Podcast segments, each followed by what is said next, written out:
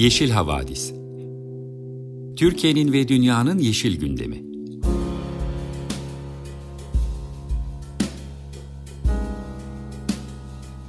Hazırlayan ve sunanlar Demet Yaman Er, Savaş Çömlek, Dilan Altın Makas, Sare Abit ve Tansu Yeşilkır.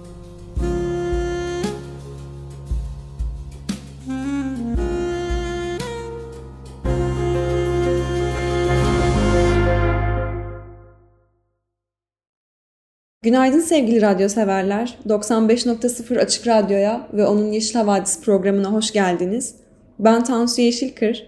Bu hafta sizlerle programımızın açılışında ben buluştum ve sizlere radyomuzun destek yayınını hatırlatmak istiyorum. Bildiğiniz gibi radyomuzun 20. dinleyici destek şöleni gerçekleştiriliyor bir süredir. Ve bugün maalesef bu şölenin son günü. O yüzden biraz hüzünlüyüm çünkü hiç bitmesin istiyordum. Özellikle seçimlerden sonra bir şey için bu kadar sevinmek, bu kadar heyecan duymak bana çok iyi gelmişti. Beni tekrar hayata tutundurdu diyebilirim. Açık Radyomuz dinleyicilerinin destekleriyle, gönüllü programcılarıyla ve tüm emekçileriyle birlikte var olan bir radyo. Eğer siz hala desteğinizi iletmediyseniz üzülmeyin. Açık Radyo'nun web sitesine gidip açıkradyo.com.tr'ye girip sağ üstteki program destekçisi olma butonuna tıklayarak desteğinizi iletebilirsiniz. Sanıyorum gün içinde radyonun telefon hattı da aktif olacaktır. Olduğu zaman dilerseniz 0212 343 41 41 telefon numarasından da radyomuza ulaşıp desteğinizi iletebilirsiniz. 95.0 Açık Radyo'dasınız Yeşil Havadis programında. Bu hafta da programımızın içeriğinde sizleri her zamanki gibi iklim bülteni, ekoloji bülteni ve ufak bir röportaj bekliyor. Bu haftanın iklim bültenini size ben yani Tansu Yeşilkır hazırladım. Ekoloji bültenini sevgili arkadaşım Demet ve röportajımızda sevgili Savaş hazırladı. Programımızın devamına geçmeden önce ilk şarkımızı anons ediyorum. Led Zeppelin'den Dancing Days. Tekrar merhaba ben Tansu Yeşilkır. Sizlere iklim bültenini sunmaya geçmeden önce bir kez daha hatırlatmak istiyorum. Radyomuzun dinleyici destek şölenindeyiz. Bu şölenin bugün son günü maalesef. Açık Radyo'ya her zaman destek olabilirsiniz. Ancak bu şölenin bir parçası olmak, bu heyecanı yaşamak istiyorsanız web sitesi üzerinden ve günün ilerleyen saatlerinde telefon hattı üzerinden radyoya desteklerinizi iletebilirsiniz. Bizim programımıza da çok güzel destekler olmuş. Ben girişteki anonsta söylemeyi unuttum. Hem Açık Radyomuza hem Yeşil Havadis programımıza yaptığınız destekler için hepinize çok teşekkür ederiz. Şimdi iklim bültenimize geçebiliriz. Kanada maalesef bu sene yaz sezonuna ve dolayısıyla yangın sezonuna çok şiddetli yangınlarla başlangıç yaptı. Bu yangınlar Alberta eyaletinde Mayıs ayının başında başladı ve şiddetlenerek devam ediyorlar. Yüksek hava sıcaklıkları, çok kuvvetli rüzgarlar ve kurak koşullar maalesef bu yangınların hem sebebini oluşturuyor hem de itfaiye yetkililerinin yangınlara karşı verdikleri mücadelenin çok fazla zorlaşmasına sebep oluyor. Bunlar da iklim değişikliğiyle birebir ilintili şeyler tabii ki. Alevlerle mücadele kapsamında on binlerce insan evlerinden tahliye edilmek zorunda kalmış ve bölgede olağanüstü hal ilan edilmiş. Orman yangınları nedeniyle yayılan dumanlar güneydeki Amerika Birleşik Devletleri'ne doğru ilerlemişti. Yüzlerce kilometre güneydeki Amerika Birleşik Devletleri doğu kıyısı ve Orta Batı'nın bazı bölgelerinde hava kalitesi olumsuz etkilenmişti. Yangınlar sonucu ortaya çıkan duman ABD'nin en büyük şehirlerinden bazılarında havadaki zararlı partikül madde miktarını artırarak gökyüzünü bulanık bir kahverengiye boyadı. Çarşamba günü ABD'nin birçok eyaletinde 10 milyonlarca kişi için hava kalitesi uyarıları yapıldı. New York, Massachusetts ve Connecticut'un aralarında bulunduğu doğudaki eyaletler hava kalitesi uyarıları yayımlarken yetkililer insanların açık hava aktivitelerinden kaçınmalarını önerdi. The Guardian'ın aktardığına göre New York'ta devlet okulları açık hava etkinliklerini iptal etti ve bölge sakinlerinden açık havada zaman geçirmekten kaçınmalarını istedi. Yetkililer kent sakinlerine pandemi sonrası raflara kaldırılmaya başlanan yüz maskelerini kullanmalarını önermiş. IQ Air'e göre New York, çarşamba günü dünyadaki tüm büyük şehirler arasında en kötü hava kalitesine sahip kent olmuş. New York Belediye Başkanı ve ABD Çevre Koruma Ajansı hava koşullarının kötüleşmesini ve bu durumun birkaç gün daha süreceğini beklediklerini söylemiş. Bu durumun iklim kriziyle ilişkisi de şu şekilde aktarılmış Yeşil Gazete'nin haberinde. Kanada'da bu yıl çıkan 400'den fazla orman yangını nedeniyle şimdiden yaklaşık 9.8 milyon dönümlük orman kül olmuş. Yetkililere göre şu anda geçen yıl bu zamanlarda yanan alanların 13 katından fazla alan alevlerle boğuşuyormuş. Alevlerle mücadele kapsamında 120 binden fazla kişi için tahliye emirleri uygulanıyormuş. Ulusal Okyanus ve Atmosfer Derneği tarafından desteklenen 2021 tarihli bir araştırma, iklim değişikliğinin Batı ABD'deki sıcak ve kuru yangın havasındaki artışın ana itici gücü olduğunu ortaya koymuş.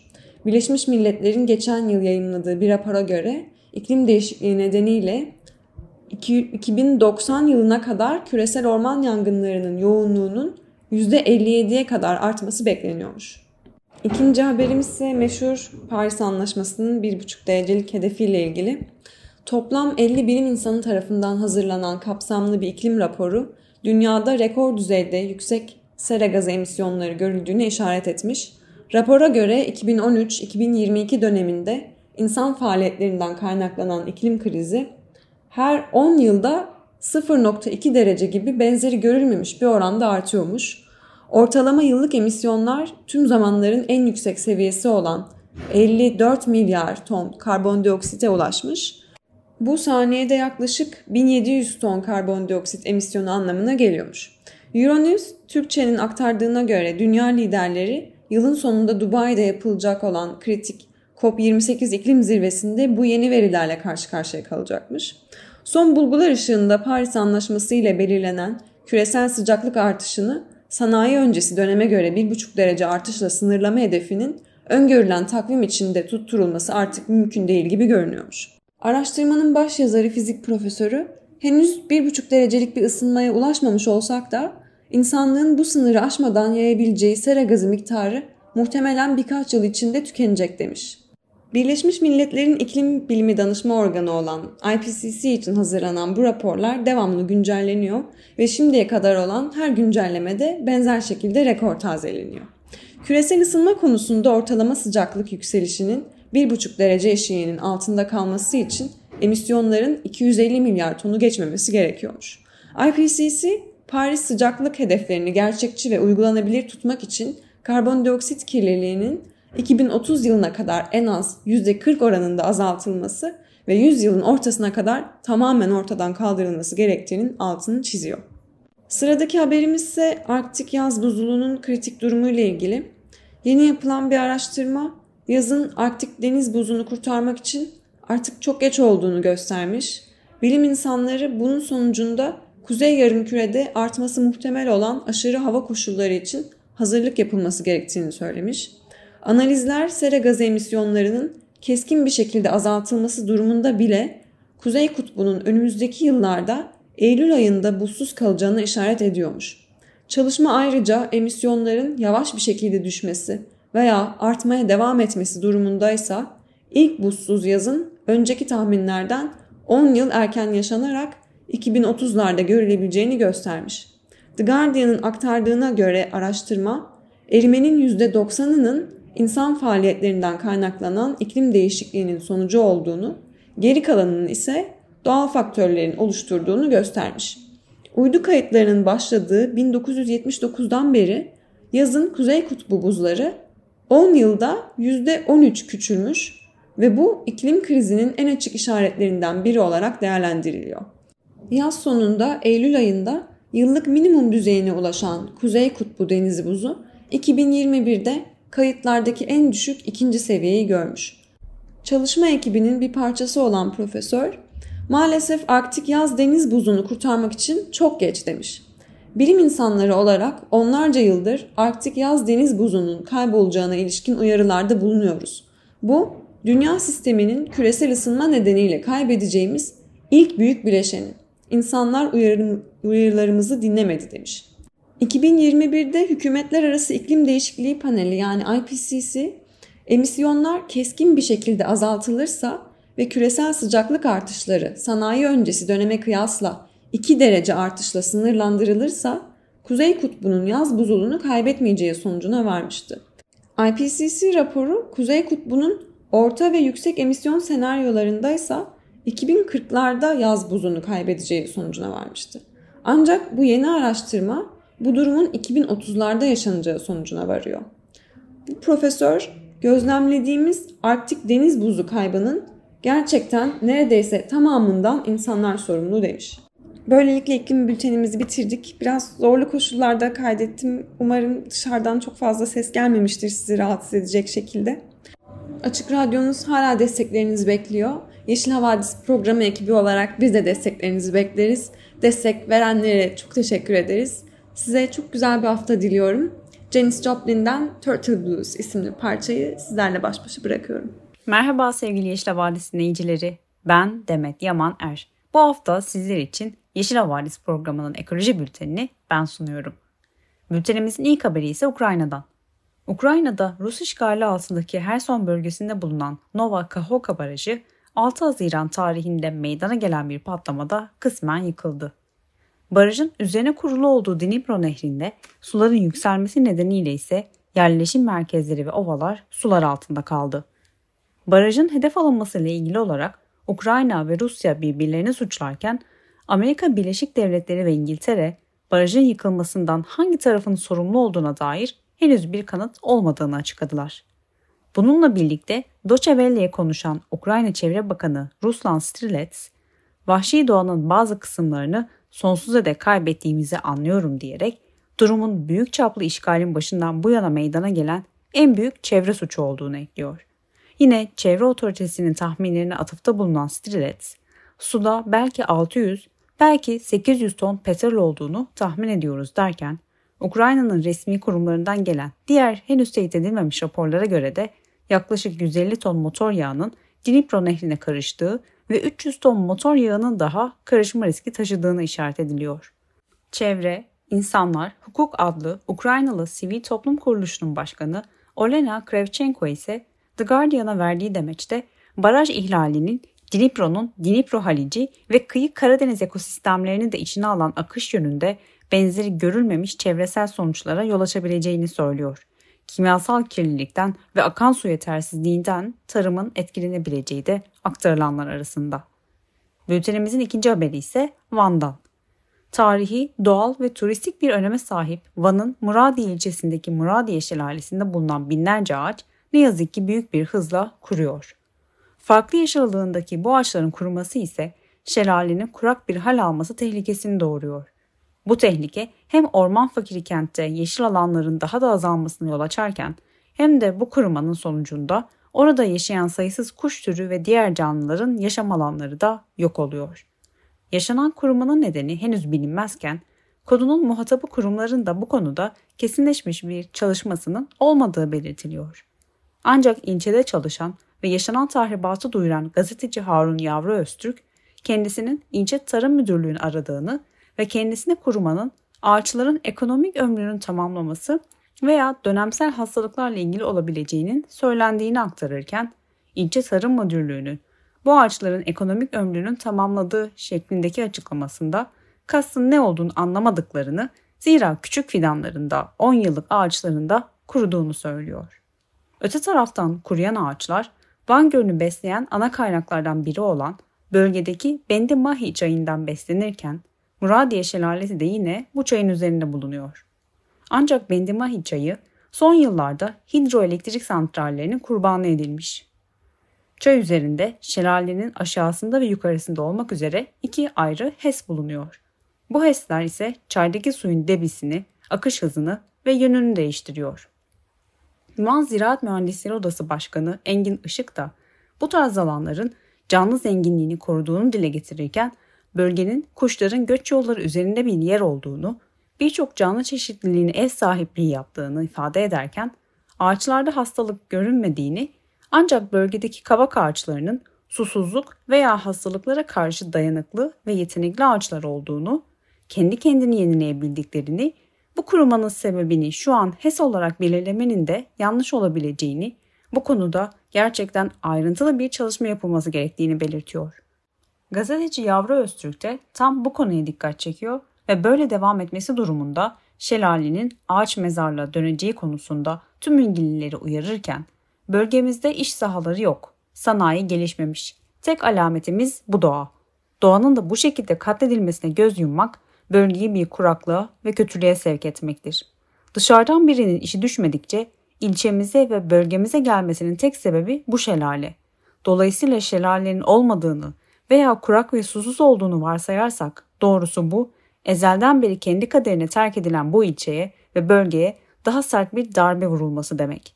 Bir de şelale sadece bizim değil, gelecek nesillerin de hakkıdır. Ama maalesef bu doğa harikasını gelecek nesillere bu güzellikte bırakmak imkansız hale geliyor diyerek sözlerini bitiriyor. Bültenimizin üçüncü haberi ise Türkiye'nin farklı bölgelerinden gelen ekolojik yargı süreçleri haberlerimizle ilgili. İznik ve Bursa ile birlikte Yalova, Kocaeli, Adapazarı ve Bilecik'in en önemli oksijen ve su kaynaklarından olan ve Marmara bölgesinde yaban yaşamının son sığınaklarından biri olarak tanımlanan Samanlı Dağları için mahkemeden sevindirici bir haber geldi. Samanlı Dağları'nda Cengiz Holding tarafından yürütülen Karamürser Rüzgar Elektrik Santrali projesine karşı Kayın Ormanı Derneği ve çevreciler tarafından açılan iki davayı da sonuçlandıran Kocaeli 2. İdare Mahkemesi, Çevre, Şehircilik ve İklim Değişikliği Bakanlığı tarafından Karamürsel RES projesi için verilen ÇED olumlu kararını iptal etti. Dernek ayrıca daha önce yine Samanlı Dağları üzerindeki Güriş Holding'in Yuvacık RES projesine karşı mücadele etmiş ve kazanım elde etmişti. Ancak dernek yönetim kurulu tarafından konuya ilişkin yapılan açıklamada Cengiz Holding hukuki süreç devam ederken inşaat çalışmalarını sürdürdü ve toplam 6 türbinli Karamürsel Rüzgar Enerji Santrali projesini kış koşullarının nispeten hafif geçmesinden de yararlanarak önemli ölçüde tamamladı. Şimdi mahkeme kararı gereğince bundan sonra inşaata devam etmesi ve türbinleri faaliyete geçirmesi hukuken mümkün değil denildi. Dernek tarafından yapılan açıklamada yine karar kesinleşinceye kadar firmanın bölgedeki her türlü çalışmalarını durdurması konusunda takipçi ve şikayetçi olunacağı belirtilirken hem Cengiz Holding'e hem de bakanlığa noter kanalıyla ihtar çekmeye hazırlanan dernek üyeleri bundan sonraki hedeflerinin de Cengiz Holding tarafından bir oldu bittiye getirilerek hali hazırda yapılmış olan tribünlerin sökülerek bölgeden çıkartılmasını sağlamak olduğunu ifade etti. Bununla birlikte bir diğer güzel haber de Faselis'ten. Antalya'nın Kemer ilçesinde bulunan Faselis Antik Kenti'nin koruma alanı sınırları içerisindeki iki ayrı koyda Kültür ve Turizm Bakanlığı tarafından inşa edilen halk plajı projesiyle ilgili açılan ikinci davada da mahkemeden yürütmeyi durdurma kararı çıktı. Kemer ve Tekirova'da yaşayan vatandaşların ve Türk Mühendis ve Mimar Odaları Birliği Mimarlar Odası Antalya Şubesi'ni açtığı davayı gören Ankara 11. İdare Mahkemesi'nin 30 Mayıs 2023 tarihli kararında ayrıca Faselis'teki inşaat projesine dayanak teşkil eden koruma kurulu onayının da yürütmesinin durdurulduğuna işaret edildi. Faselis'e dokunma hareketi ise söz konusu karara karşı sevindiklerini ancak bir yandan da bu sevincin yarım olduğunu belirtirken henüz inşaatın başladığı günlerde açılan davalarda projenin tamamlanmasının ve koruma alanının tahrip edilmesinin ardından gelen kararlara sevincimiz buruk. Çünkü Arkeologlar Derneği Antalya Şubesi'nin hatırlattığı gibi UNESCO Dünya Mirası listesine girmeyi hak eden Faselis'teki halk projelerinin inşaatı Türkiye'de benzeri görülmemiş şekilde jandarma koruması altında tamamlandı ve buradaki kültür tabakası tahrip edildi açıklamasında bulundu. Hatırlarsanız mahkeme kararına rağmen bizzat bakanlık eliyle bölgede proje inşaatına devam edilmiş ve koruma altındaki alanlara beton dökülmesi büyük tepkiyle karşılanmıştı. Hukuka aykırı bu faaliyetleri ise jandarmalar korumuştu. Şimdi bu ikinci karardan sonra da bölgede mahkeme kararları karşısında ne yapılacağını hep birlikte takip edeceğiz. Ve üçüncü güzel yargı kararı haberimiz ise Muğla Marmaris'ten. Marmaris Kent Konseyi ve Marmaris Ekolojik Mücadele Komitesi'nin açtığı davada Cumhurbaşkanı Erdoğan'ın kardeşi Mustafa Erdoğan'ın dünürüne ait araziye özel yapılan imar plan değişikliği için yürütmenin durdurulması kararı çıktı. Zira söz konusu arazi tarihi ve arkeolojik sit alanı ve tamamen korunacak doğal alan ve özel çevre koruma alanında bulunuyor. İki tarafı dere, önü deniz olan ve 17 metrede sert zemin bulunan sulak alana yapılmak istenen projeye bilirkişi raporu doğrultusunda Muğla 2. İdare Mahkemesi tarafından yürütmenin durdurulması kararı çıktığını belirten aktivistler ve Marmaris Kent Konseyi ile Marmaris Ekolojik Mücadele Komitesi kararla ilgili olarak ise yaşanası bir Marmaris ve ortaklaşabileceğimiz bir hayat için Muğla Mimarlar Odası ve Muğla Büyükşehir Belediyesi, Marmaris Kent Konseyi ve Ekolojik Mücadele Komitesi'nin birlikte hareket etmesi, halk yararına sonuçların kazanılmasında dayanışmanın ne kadar önemli olduğunu bir kez daha gösterdi. Çevre Şehircilik ve İklim Değişikliği Bakanlığı'nın Erdoğan'ın ailesinin dünürüne ait arazi için imar plan değişikliğine gitme kararının iptali talebiyle açılan davalarda bilirkişi doğa lehine rapor düzenleyerek davacıların haklılığını gösterdi açıklamasında bulundu. Bizler de sizin için bu davanın sonucunu yine takip ediyor ve gelişmeleri sizlere aktarıyor olacağız.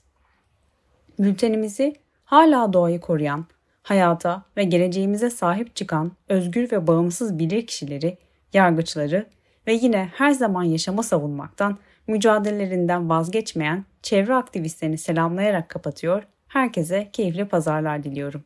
Şimdi Robert Plant'ten If I Were a Carpenter şarkısı bizimle. Sevgili dinleyiciler, tekrar günaydın. Yeşil Havadis programının söyleşi köşesindeyiz.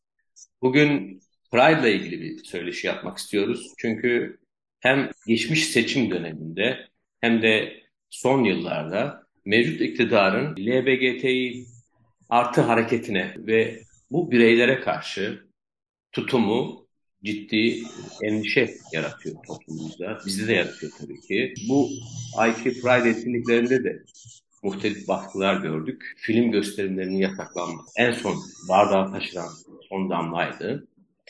Bununla ilgili spot gönüllüsü, spot üyesi, Pride gönüllüsü Ahmet'e Murat Karakuzu ile görüşeceğiz. Ahmet'e hoş geldin programımıza. Ee, hoş bulduk. Teşekkür ederim. Ahmet'e senden öncelikle izleyicilerimiz için Pride'ın anlamıyla ilgili bir şeyler söylemek ister misin? Pride nasıl başladı? Ne demek Pride? Bizim ülkemizde ne durumdayız? Ne zamandır bizim ülkemizde Pride kutlamaları yapılıyor? Elbette. Ee, şöyle söyleyebilirim. Yani Pride ilk olarak 28 28 Haziran 1970'te New York'ta e, kutlan, kutlanılıyor. Bu kutlamada şöyle çıkıyor. İşte LGBT artılara karşı özellikle o dönem şartlar için gaylere karşı, gay, e, erkek eşcinsellere karşı oluşulan baskı, tehdit ve e, nefret cinayetleri sonrasında eş, erkek eşcinseller toplanıyor ve bir yürüyüş yapıyor. Bunun Türkçesi zaten onur diye geçiyor. Çünkü LGBT artılar onurlu yaşadıklarını, onurlu bir yaşam istediklerini anlatmak ve aktarmak amacıyla bu yürüyüşü başlatıyorlar. Ve sonrasında bu e, New York'ta başlayan yürüyüş önce bütün bir Avrupa kıtasına, daha sonra ise bütün bir dünyaya yayılıyor. Bilirim. Bunun dışında işte Pride Türkiye'de de uzun zamandır kutlanıyor ya da biz uzun zamandır kutlayamıyoruz diyebilirim ee, sanırım. Ee, yaklaşık yanlış hatırlamıyor isem e, olmasına rağmen e, Türkiye'de her zaman kutlanılmıştır. Bir şekilde kutlanılmıştır. Zaten e, bildiğimiz üzere 2015 bizim son e, yasal şeyimizde, Pride'ımızdı. Da, Darsu tam yasal demeyelim ama işte e, devletin baskısını ilk hissettiğimiz, çok güçlü hissettiğimiz e, Pride'dı 2015. Sonrasında zaten hiçbir Pride'e izin vermediler. Bütün Pride yürüyüşlerini yasakladılar ve e, kolluk kuvvetleriyle, tarikat kuvvetleriyle, muhafazakar, muhafazakar e, grupların baskısıyla Pride kutlamaya çalışıyoruz. Şu anda da bu senede de yine Pride'ı yasaklı olmasına rağmen e, tarikatlar tarafından, cemaatler tarafından gelen tehditlere rağmen yine İstanbul'da ve Türkiye'nin birçok yerine kutlamaya devam edeceğiz. Teşekkür ederiz Ahmet bize verdiğin bilgiler için. Benim bildiğim e, Pride'ın en görünür olduğu zamanlar Gezi ve Gezi sonrası yıllardı. Ve e, bu, bu güzel günler her geçen yıl ivme kaybederek bugüne kadar geldik. Özellikle bu seçim döneminde de, seçim öncesinde ve seçim sonrasında, e, özellikle seçim döneminde mevcut iktidar partisi ve ortaklarının LBGT'yi artı e, hareketi ve bireyleri üzerinden sürdürdükleri bir seçim kampanyası vardı. Seçim kampanyasının gündemlerinden bir tanesi buydu. Toplumsal kutuplaşmayı, toplumsal barışı, temel insan haklarını yok sayan, bu tutumları e, ülkemiz için oldukça tehlikeli aslında. Ne düşünüyorsunuz bu konuda? Ne yapmayı düşünüyorsunuz?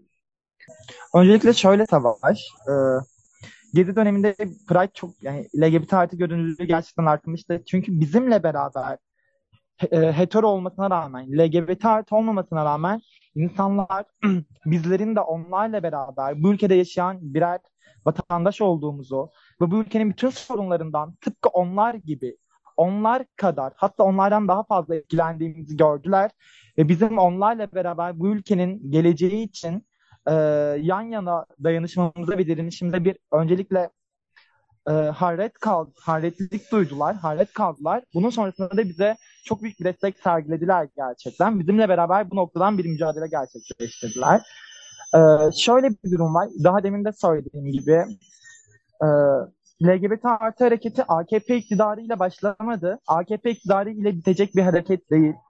Dünya üzerinde ilk insandan bu yana eşcinsellik ya da LGBT artı kişiler vardı diyebiliriz. İnsanlar var olduğu müddetçe, insanlık var olduğu müddetçe LGBT artılar da var olmaya devam edecektir.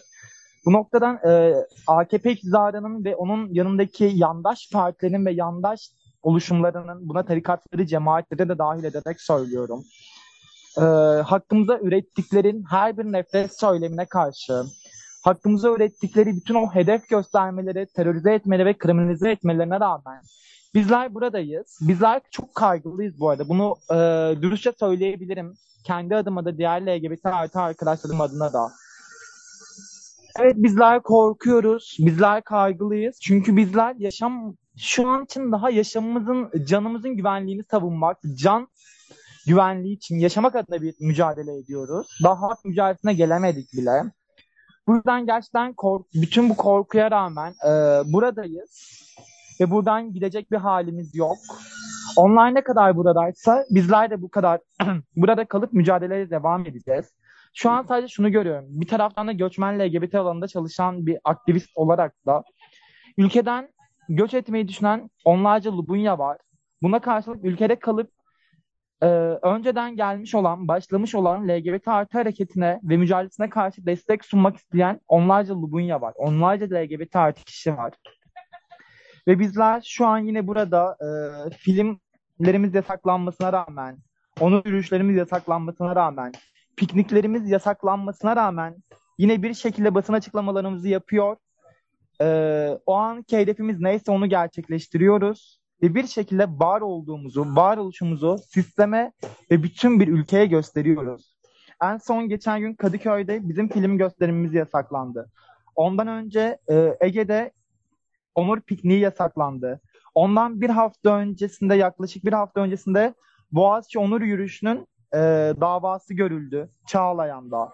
Ve bizler orada şunların her birini fark ettik ve gördük ki bizlerden korkuyorlar. Bizler onlardan biz, evet bizler de onlardan korkuyoruz ama onlar bizim onlardan korktuğumuzun katlarca fazlasıyla bizlerden korkuyorlar.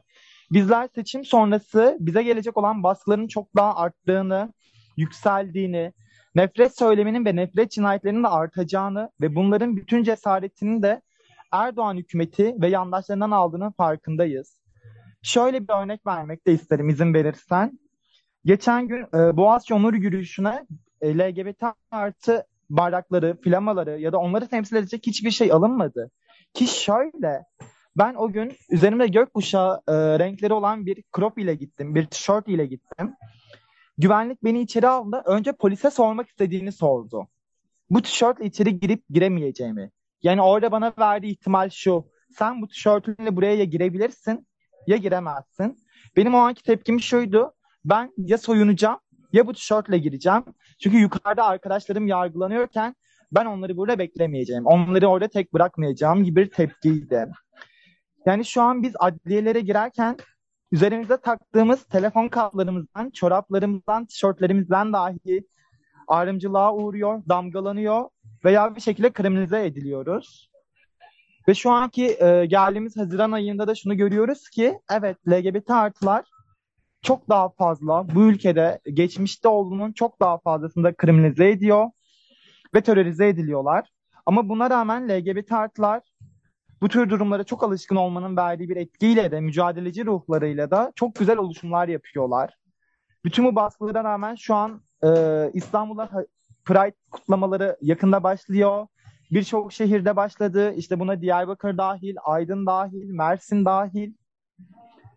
Ee, yine Ankara dahil, İzmir dahil. Bizler ülkenin birçok şehrinde bütün bu yasaklara rağmen, yasaklanacağımızı bilmemize rağmen etkinliklerimizi planladık, örgütlendik ve şimdi bütün yasaklara rağmen sokaklara çıkıyoruz.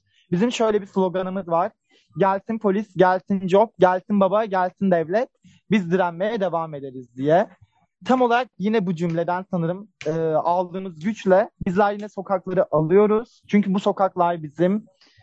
E, ki aynı zamanda şöyle bir durum daha var sanırım. Şu an bizi yargılayan herkes, bize e, hedef gösteren, bizi kriminalize eden bütün eski hakimler, avukatlar, savcılar her biri ya şu an bu ülkeden gittiler ya da her biri şu an FETÖ'den yargılanıyor. Ve şu an biz de şunu söylüyoruz. Bizim bizi bugün hedef gösteren ve yargılayan bütün AKP iktidarı da gün gelecek yargılanacak veya bu ülkeden kaçacaklar. Çünkü bu ülkenin asıl sahipleri bizleriz. Bu ülkenin çocukları bizleriz. Bu ülkenin e, çocukları onlar değil, bize hedef gösterenler değil diye bir şekilde bitirebilirim. Bunun dışında şunu söyleyebilirim.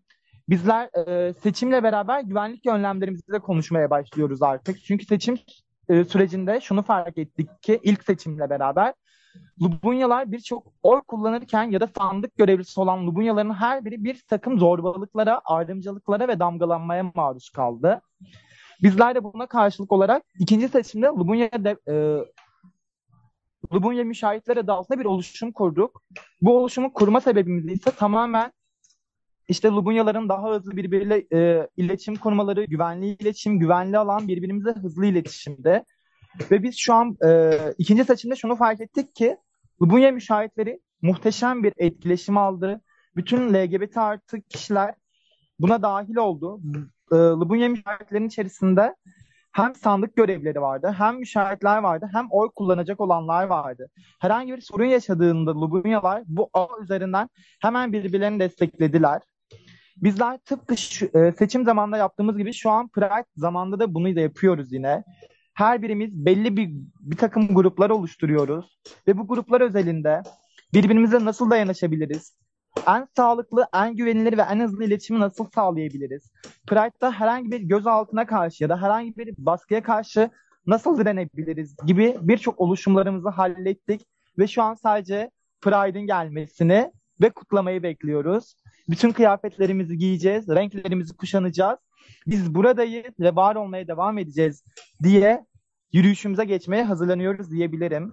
Bu oluşumları da şöyle açıklayabilirim. İşte buna basın grubu dahil, avukat grubu dahil, göçmenler alınan göçmen avukat grupları dahil, işte güvenli alanlar için belli e, kişi, e, LGBT artı kişilerin oluşturduğu alanlar dahil konumlar konum üzerine olan e, ağlarımız var. Bu şekilde tanımlayabilirim bu kurduğumuz Pride'a dair oluşumları da. Ahmet'e çok teşekkür ederim tekrar. Seni hiç kesmek istemedim. Çok güzel anlattın her şeyi. Duymak istediğimiz her şeyi duyduk senden. Gerçekten hepimizin de misafir olmadığımızı, ev sahibi olduğumuzu hissetmeye ihtiyacımız var. Zaten hepimiz ev sahibiyiz. Ülkenin bir parçasıyız. Bu toplumun bir parçasıyız. Kimsenin bir yere gidecek hali yok. Gidecek de değiliz. Bizim gitmemize de gerek yok tabii ki. Bunu hissediyor olmak harika. Hep birlikte harika. Hepimiz için çok güzel siyasete bu kadar sahip çıkıyor olmanızın sebeplerinden bir tanesi de herhalde gördüğünüz baskı olsa gerek. Başka bir çıkış görmüyoruz herhalde ki daha çok e, toplum içerisinde olmak, daha görünür olmak, daha çok siyasette ilgilenmek sanıyorum. Daha politik olmak belki de bir çözümdür. Ne dersin? Siz de öyle düşünüyor musunuz? Evet. Kesinlikle böyle düşünüyoruz. Çünkü şunu söylüyoruz en başta. Bizlerin top, e, toplum dönüşür, toplum değişir. Ama siyasi baskılar bizim en çok zorluk yaşadığımız şeyler. Çünkü bizler hak ve hizmetlere erişimde sorun yaşıyoruz şu an. İşte bir LGBT artı kişi bir muayeneye gittiğinde doktorun ilk ona sorduğu hani soru şey oluyor. Eşcinsel misin? Anal ilişki yaşıyor musun? Veyahut işte bir trans kişi herhangi bir şekilde e, herhangi bir doktora muayene gittiğinde trans kimliği üzerinden birçok sorun yaşıyor. Veyahut yine translar beden uyum süreçleri zamanında Akbil kartları yüzünden, İstanbul kartlarında sorun yaşıyorlar. Ulaşım hakları elinden alınıyor bu süreçte. Buna benzer birçok sorun yaşıyoruz ve biz şunu söylüyoruz. Bizlerin hak ve erişimlerin önündeki en büyük engel politikadır. Politik düzlemde bizlerin görünme, görünmez olması veya politikacıların bizleri görünmez kılmak için ellerinden geleni yapıyor olması. Ki şöyle bir örnek verebilirim buna da. Yeniden Refah Partisi'nin Hüdapar'ın ve AKP'nin ortak olarak imzaladığı deklarasyonlarda şöyle bir yazı var. LGBT artı dernekleri ya da LGBT artı propagandası yapacak oluşumlar kapatılacak diye bir yazı var. Bunu imzalayan bir iktidar var şu an. Evet yani şu, bu şu demek oluyor. Bizler seni Pride yaparsan örnek veriyorum şu an Pride'ı kutlayacak. Onur ayını kutlayacağız Haziran'da. Sizler orada dayak yiyeceksiniz. Bizler sizi gözaltına alacağız. Ama sizler gidip dernekler sizin adınıza konuşamayacak, söz söyleyemeyecek demenin bir farklı yolu. Çünkü dernekler veya kurduğumuz oluşumlar bizlerin aynı zamanda devletle, politikayla ya da Birleşmiş Milletler ve Avrupa Birliği gibi diğer e, ülkeler ve oluşumlarla bizim sözcümüz veyahut da bizlerin bir söz söyleme yerleri ve bunları kapatacaklarını dile getiriyorlar. Bu noktadan siyasete bu kadar içkin bir yerdeyiz. Çünkü bizlerin yaşam hakkı, hak ve erişimlerinin bütün engellerinin sebebinin altında politika çıkıyor. Ben herhangi bir e, şiddete uğradığımda yargılanmayacağını bilen bir fobik var. Yani benim yaşam hakkımı e, İstanbul Sözleşmesi'nden çıktıktan sonra da e, bunun bir etkisi de var tabii. Cinsel yönelim ifadesi hiçbir yasada geçmiyor. Hiçbir maddede geçmiyor. Ben cinsel yönelimden kaynaklı veyahut da cinsiyel e, cinsiyet kimliğimden kaynaklı herhangi bir zorbalığa, nefret suçuna, nefret söylemine ya da nefret cinayetine kurban gider isem o zaman beni e, savunacak herhangi bir yasa olmadığı için bizler bu kadar politikaya içkin bir yerden yer alıyor ve destekliyoruz diyebilirim. Ahmet'a maalesef süremiz sona erdi. Gene her zaman gibi sevgili dinleyiciler söyleşimiz su gibi aktı. Ahmet'e Murat Karakuzu'ya programımıza katıldığı için teşekkür edeceğiz. Kendisi spot üyesi Pride gönüllüsü. Bugün Pride'dan söz ettik. E, Pride'da olup bitenlerden söz ettik. Politikadan söz ettik. Politik tavırdan söz ettik. LGBTİ plus bireylere karşı mevcut iktidarın uyguladığı baskılardan söz ettik. Buna karşı ne yapabileceğimizi konuştuk. Murat tekrar teşekkür ediyoruz programımıza katıldığın için. Ben çok teşekkür ederim. Ee, son bir şey söyleyerek ayrılmak istiyorum. Tabii seyircilerimize son bir şey söyle. Tabii bizler buradayız. Hep vardık, var olmaya devam edeceğiz deyip e, sözü sizlere bırakıyorum. Çok teşekkürler e, program için. Kendinize iyi bakın. Görüşmek üzere. Görüşürüz Amela. Hoşçakalın sevgili dinleyiciler. Bugünkü söyleşi köşemizi burada sona erdiriyoruz.